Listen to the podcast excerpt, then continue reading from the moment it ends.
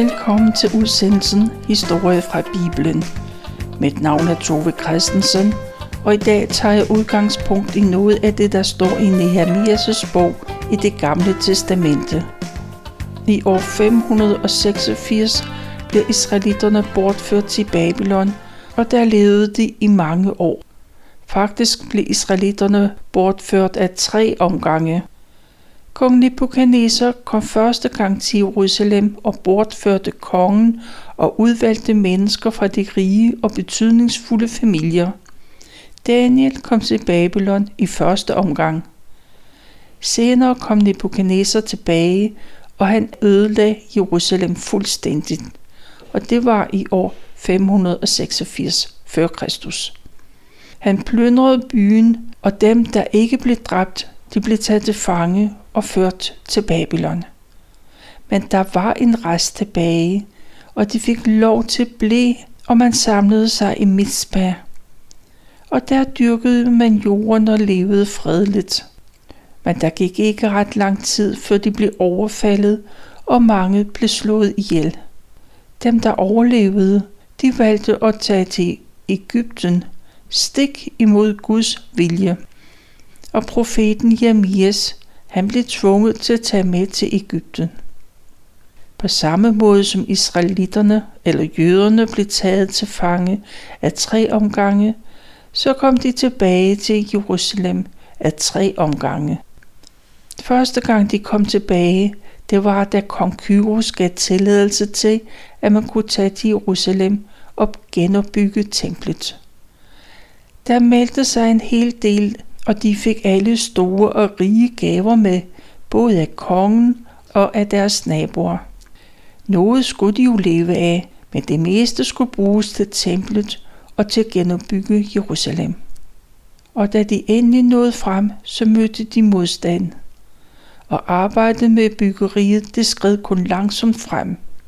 Men til sidst, så stod templet færdigt. Anden gang, at nogen tog samlet til Jerusalem, var mange år senere.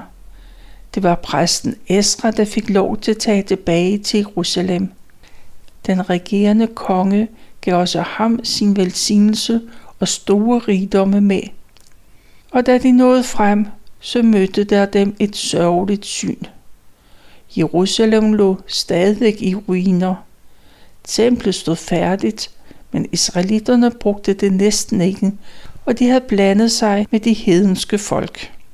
Esra mindede folk om Guds bud og at de var Guds folk. Han mindede dem om, hvordan Gud havde været med igennem århundreder. De jøder, der boede i Jerusalem og i Judæas andre byer, de måtte erkende og bekende over for Gud, at de havde syndet, og de gjorde op med deres måde at leve på. Israelitterne de boede i Judæa, og derfor kaldte man dem ofte for judæer. Det ord, der på dansk blev til jøder. Det er også det, jeg vil kalde dem i denne udsendelse. Men vi skal høre om, hvad der skete med Nehemias, da han tog til Jerusalem. Han var i spidsen for tredje og sidste store omgang, der samlet tog tilbage til Jerusalem. Men først så skal vi lytte til sangen Jerusalem, og det med Primus,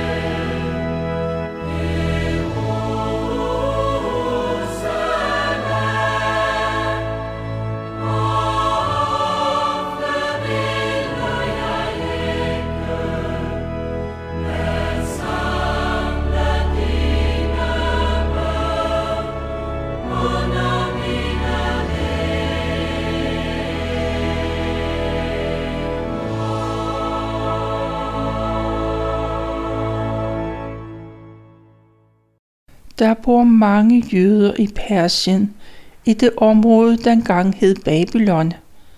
Det er mennesker, der lever et ganske almindeligt familieliv, og som har et arbejde. Nogle har store stillinger, andre er håndværkere, de bager og handelsfolk, eller noget helt andet. Nehemias, han er mundskænk i den kongelige palads i byen Susa. Det er kongens vinterpalads, det ligger oppe i bjergene, cirka 150 km nord for den persiske bugt. Det er i det nuværende Iran. Nehemias har en bror, og sammen med nogle andre, så tager han den lange vej til Jerusalem for at se, hvordan det står til der. En dag får Nehemias uventet besøg af sin bror og hans rejsefælder. De har været væk i mange måneder, og de har rejst flere tusind kilometer. De tilrejsende fortæller om templet, der er bygget færdigt, men folk lever i stor nød og elendighed. Jerusalems bymure, de ligger stadigvæk i ruiner, og de nedbrændte byporte, de er ikke repareret. Heller ikke selvom det er 14 år siden, at der kom flere tusind jøder fra Babylon, eller Persien, som det land nu hedder. Jerusalems mure er væltet, så alle og enhver kan gå ind og ud af byen, også røverbander, fjendtlige nabostammer og andre, der har ondt i sinde. Og da Nehemias hører om det, så sætter han sig ned og græder. Han sørger i flere dage, han faster og beder til himlens Gud.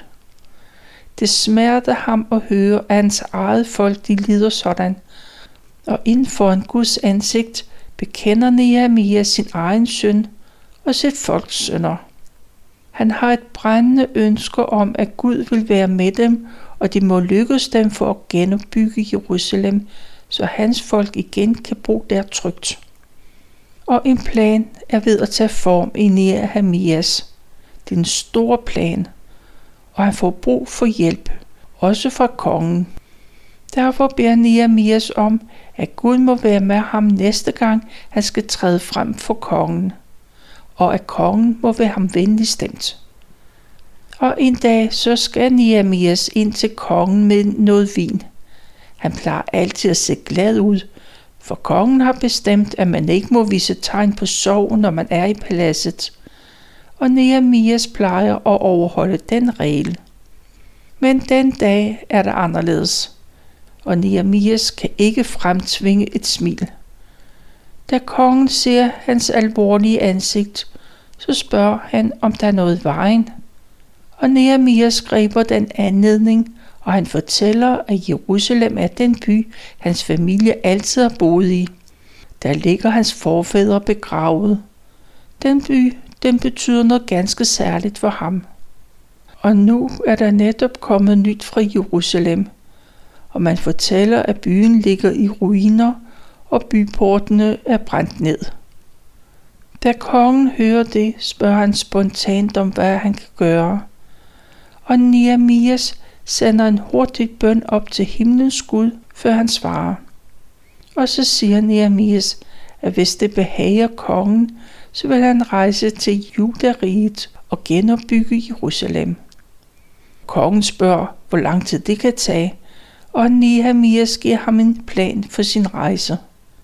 Og kongen giver sin tilladelse. Nehemias vil gerne have kongen til at lave en skrivelse, så han frit kan rejse til Jerusalem. Han beder også om et brev til Asaf. Det er ham, der har ansvaret for de kongelige skove. Hvis han kan få noget tømmer, så kan de lave nye bymporte, og man kan genopbygge tempelborgen og et hus, som han selv kan bo i. Og Gud har hørt Nehemias' bøn, og kongen han sætter sig ned og skriver de breve. Han stiller også både officerer og rytter til rådighed, så Nehemias kan være beskyttet på rejsen. Nehemias arbejder koncentreret, og fire måneder senere er han klar til at tage afsted. Sammen med en hel del andre, så tager han til Jerusalem. De er ikke nær så mange, som det gang man tog afsted 14 år tidligere, og de har heller ikke nær så store værdier med. Men de tager afsted i tillid til Gud. På vej til Jerusalem tager de kontakt til den guvernør, der er ansvaret for provinsområdet, der hvor Jerusalem hører ind under. Nehemias afleverer brevet fra kongen, og så kan han frit rejse videre. I Jerusalem mødes Nehemias med nogle af dem, der allerede bor der. Og først nu går det op for ham, hvor usikkert det hele er. Der er fremmede folkeslag, der bor inde i Jerusalem. Der er de boet siden at byen blev ødelagt, og jøderne blev taget til fange og ført til Babylon. Og nu gør de alt for at forhindre jøderne i at genopbygge byen. Og man advarer Nehemias, han skal passe meget på både hvad han siger og gør. Derfor venter Nehemias til det bliver aften, og i nattens smuld og mørke, så går han. Han tager nogen med med, men han fortæller ikke, hvorfor han går. For i virkeligheden, så vil han gerne se på byen. Han rider selv på et esel, men de andre de må gå. De går gennem dalporten og forbi møgporten og videre til kongedammen. Og så kan de ikke komme længere, fordi der ligger så mange murbrokker. De vender om og hele tiden undersøger Nehemias muren så godt han kan. Næste dag så taler Nehemias med de ansvarlige præster og med embedsmændene og de ledere i byen. Han fortæller, hvorfor han er kommet. Nehemias, han slutter med at sige, lad os sammen bygge Jerusalems mure. Hvis de får genopbygget muren, så kan ingen gøre nar af dem længere. For alle er klar over, at den ødelagte bymur, det vidner om både en dårlig og svag ledelse og manglende engagement. Ja, siger alle samstemmende. Lad os begynde med det samme. Men der er tre mænd, der Tobia, Sambalet og araberen Gisan. De hører om planerne, og de går til Nehemias og spørger om jøderne, de er ude på ballade. Nehemias svarer, at himlens Gud vil være med dem. I, som ikke er jøder, har ingen rettigheder i Jerusalem, og I har aldrig haft det. Og så begynder man arbejdet. Alle, der er arbejdsduelige, de bliver delt op i hold. Hvert hold har ansvaret for at opbygge et stykke af muren. Dem, der er præster, guldsmede, købmænd og borgmestre, de bliver arbejdsledere for deres egen familie. De skal lede og fordele arbejdet mellem deres sønner og døtre. Alle blev sat i arbejde. Men Sanballat og Tobia de er vrede over, at guvernøren har hjulpet Nehemias. Hvad i alverden bilder de elendige judæer sig ind, siger de. Tror de, at de kan bygge muren op på en enkelt dag, bare fordi de offrer til deres Gud? Men andre prøver at berolige dem. De siger, lad dem bare bygge så meget, som de vil. Den mur, den brænder sammen, bare en rev hopper op på den. Og da Nehemias hører det, så beder han til Gud. Han fortæller, hvordan man gør nar af dem. Sandballet, han går rundt og ser, hvordan arbejdet det skrider frem. Der går ikke lang tid, før de første store huller i muren er repareret. Og så bliver han og hans fælder urolige.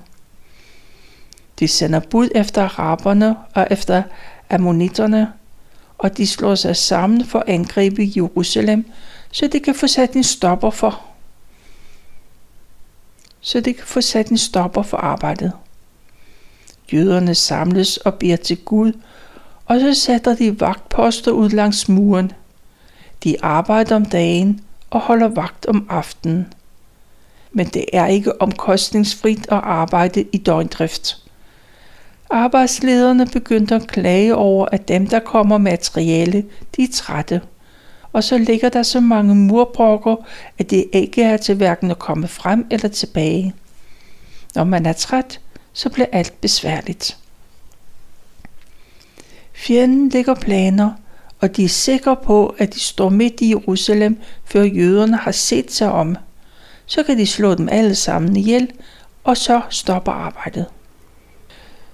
Snart går der rygte om et overraskelsesangreb. De arbejdere, der bor i den nærmeste landsbyer, de hører om planerne, og de fortæller dem videre til Nehemias. Og han vil forsvare sin by, og han arrangerer, at familie for familie, de skal stå skulder ved skulder bag Jerusalems mur. Og alle er bevæbnet med svær og spyd og buer. Der hvor muren er lavest, der skal man være ekstra opmærksom. Men Nehemias han kan mærke, at folk er både trætte og bange. Derfor kalder han dem sammen og siger, at de ikke behøver at være bange. De skal jo huske på, at den almægtige Gud er med dem. De skal være ved godt mod, for de kæmper for fremtiden. De skal kæmpe for deres sønner og døtre, for deres koner og for deres hjem. Og så går det op for fjenderne, at jøderne er blevet advaret, og de opgiver at indtage Jerusalem og jøderne de er sikre på, at det er Gud, der har hørt deres bønder. Så snart faren er drevet over, så fortsætter arbejdet. Man arbejder i toholdsdrift. Halvdelen af folk de står på vagt, mens resten bygger på muren. Dem, der holder vagt, de er i fuld rustning og bevæbnet med svær og skjold og buer. Og dem, der slæber sten, de er også bevæbnet med den ene hånd bærer de sten, i den anden har de et spyd. Murerne, de har deres svær i bæltet, og hornblæserne, de holder sig hele tiden tæt på Nehemias, så de kan være klar til at blæse alarm. Man har indøvet alarmøvelser, og alle er klar over, hvor de skal stille sig og hvad de skal gøre, hvis og når signalhornet det lyder og så skal de sætte deres lid til, at Gud vil kæmpe for dem. Sådan arbejder de fra solopgang og til solnedgang, og alle overnatter inde i byen for at være klar til udrykning.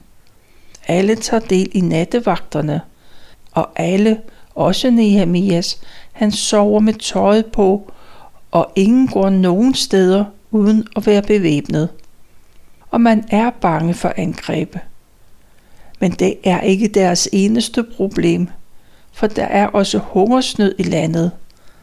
Det er svært at få til det daglige brød. Og det er slemt, og de rige de begynder at udnytte de fattige, så de må give deres børn i pant for at få mad. Nogle pansætter deres marker, deres vingårde og huse. Andre har belånt både hus og hjem for at kunne betale skatter til kongen. De fattige klager deres nød til ledelsen. Hører vi ikke alle sammen til det samme folk, siger de. Er vores børn ikke lige så gode som de riges børn? Det er uretfærdigt, at de skal sælge deres børn som slaver for selv at overleve. Flere af døtrene er allerede solgt, og de har ikke råd til at købe dem fri. Og da Nehemias hører det, så bliver han vred. Han tænker over sagen, og så kalder han til møde, og de rige får en opsang. Nehemias og andre med ham, de har gjort meget for at frikøbe de jøder, der har været solgt som slaver til fremmede folkeslag. Og nu vil I gøre jeres egne landsmænd til slaver, siger Nehemias. Hvor mange gange skal de løskøbes? Og der blev død stille. Ingen har nået at sige. I kan ikke være det bekendt og jeg på den måde. Har I slet ingen ærefrygt for Gud? Hold op med at tage pant og renter. Marker og huse, det skal gives tilbage, og de renter, der er taget, skal refunderes.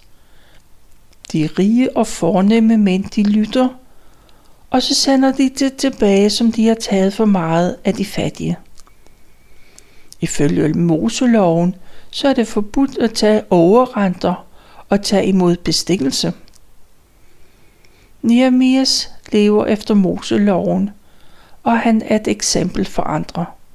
Hverken han selv eller hans medarbejdere får løn eller andre ydelser fra Israels folk. Det er ellers kutume for mænd i hans stilling, at han får rigeligt både af madvarer og penge. Og Nehemias han lønner personligt hans 150 embedsmænd, og han betaler alle udgifter, også når der kommer gæster på besøg. Både han og hans embedsmænd de arbejder på lige fod med andre, når de opbygger Jerusalems mure.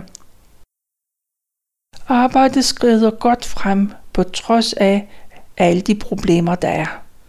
På bare 52 dage er bymuren færdig. Alle er glade, men deres fjendtlige nabolande, de er modløse og bange, for de forstår, at det er jødernes Gud, der har hjulpet dem. Bymuren er færdig, men husene er stadigvæk ruiner. Der bor forholdsvis få mennesker inde i selve Jerusalem. Da Nehemias har været i Jerusalem i syv måneder, så samles alle jøder. De mødes ved den åbne plads lige uden for vandporten. Den skriftlærte præst Esra, han stiller sig op på en platform. Han læser op af Toran, altså af Mosebøgerne. Alle vender deres opmærksomhed mod ham, både mænd, kvinder og børn. Hele forsamlingen de rejser sig, da Esra begynder at læse fra bogrullen. Han læser hele formiddagen, og folk lytter opmærksomt. Bagefter lovpriser han Gud, og folk de svarer Amen. Og så forklarer Esra det, han lige har læst. Og da betydningen går op for folk, så begynder de at græde. De er klar over, at både dem selv og deres slægt har syndet imod Gud. Nehemiah siger, at denne dag er indvidet til Guds ære. Derfor skal de ikke græde. De skal være glade. De skal feste med god mad og drikke. De skal ikke være sørmodige, for glæden er fra Gud, og den giver styrke. Dagen efter kommer slægts hovederne, og præsterne og tempelmedarbejderne, de kommer til Esra, for de vil have undervisning i Moseloven. Og netop i de dage, der skal løvhyttefesten fejres, og man bygger hytter af grene fra palmer og oliventræer. Kort tid efter løvhyttefesten, så mødes man igen i Jerusalem. Denne gang faster de, og de tager tøj på, der er lavet af det grove og ubehagelige sækkelader, og så kommer de jord på hovedet. Det er deres måde at vise deres sorg på. I de næste timer bliver Moseloven læst op, og folk de bekender deres sønder, og de tilbeder Herren deres Gud. De lovpriser Gud, der er langt større, end nogen kan fatte og udtrykke. De synger sange om Gud, der skabte himlen og alle dens stjerner. Den dag lover folk højt og helligt, at de vil adlyde Gud. De indgår en aftale, den bliver underskrevet af præsterne og af landets ledere. De lover, at de selv og de fremtidige slægter, de vil stole på Gud og følge hans vilje. Og folk går hver til sit igen, og det bliver hverdag. Jerusalem, den er ved at blive en by, som folk kan bo i, sikkert. Efterhånden bor store dele af lederne der. Nehemias han indviger bymuren, og han organiserer arbejdet omkring templet.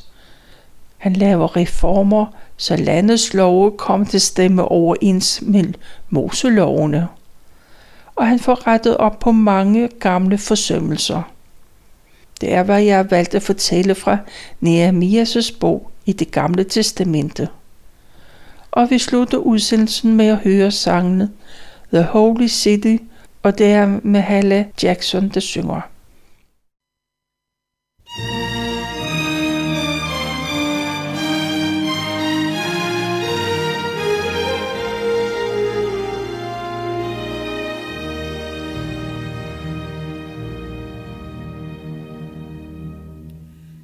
Last night I lay asleeping, there came a dream so fair. I stood in old Jerusalem beside the temple there. I heard the children singing, and ever as they sing, methought the voice of angels from heaven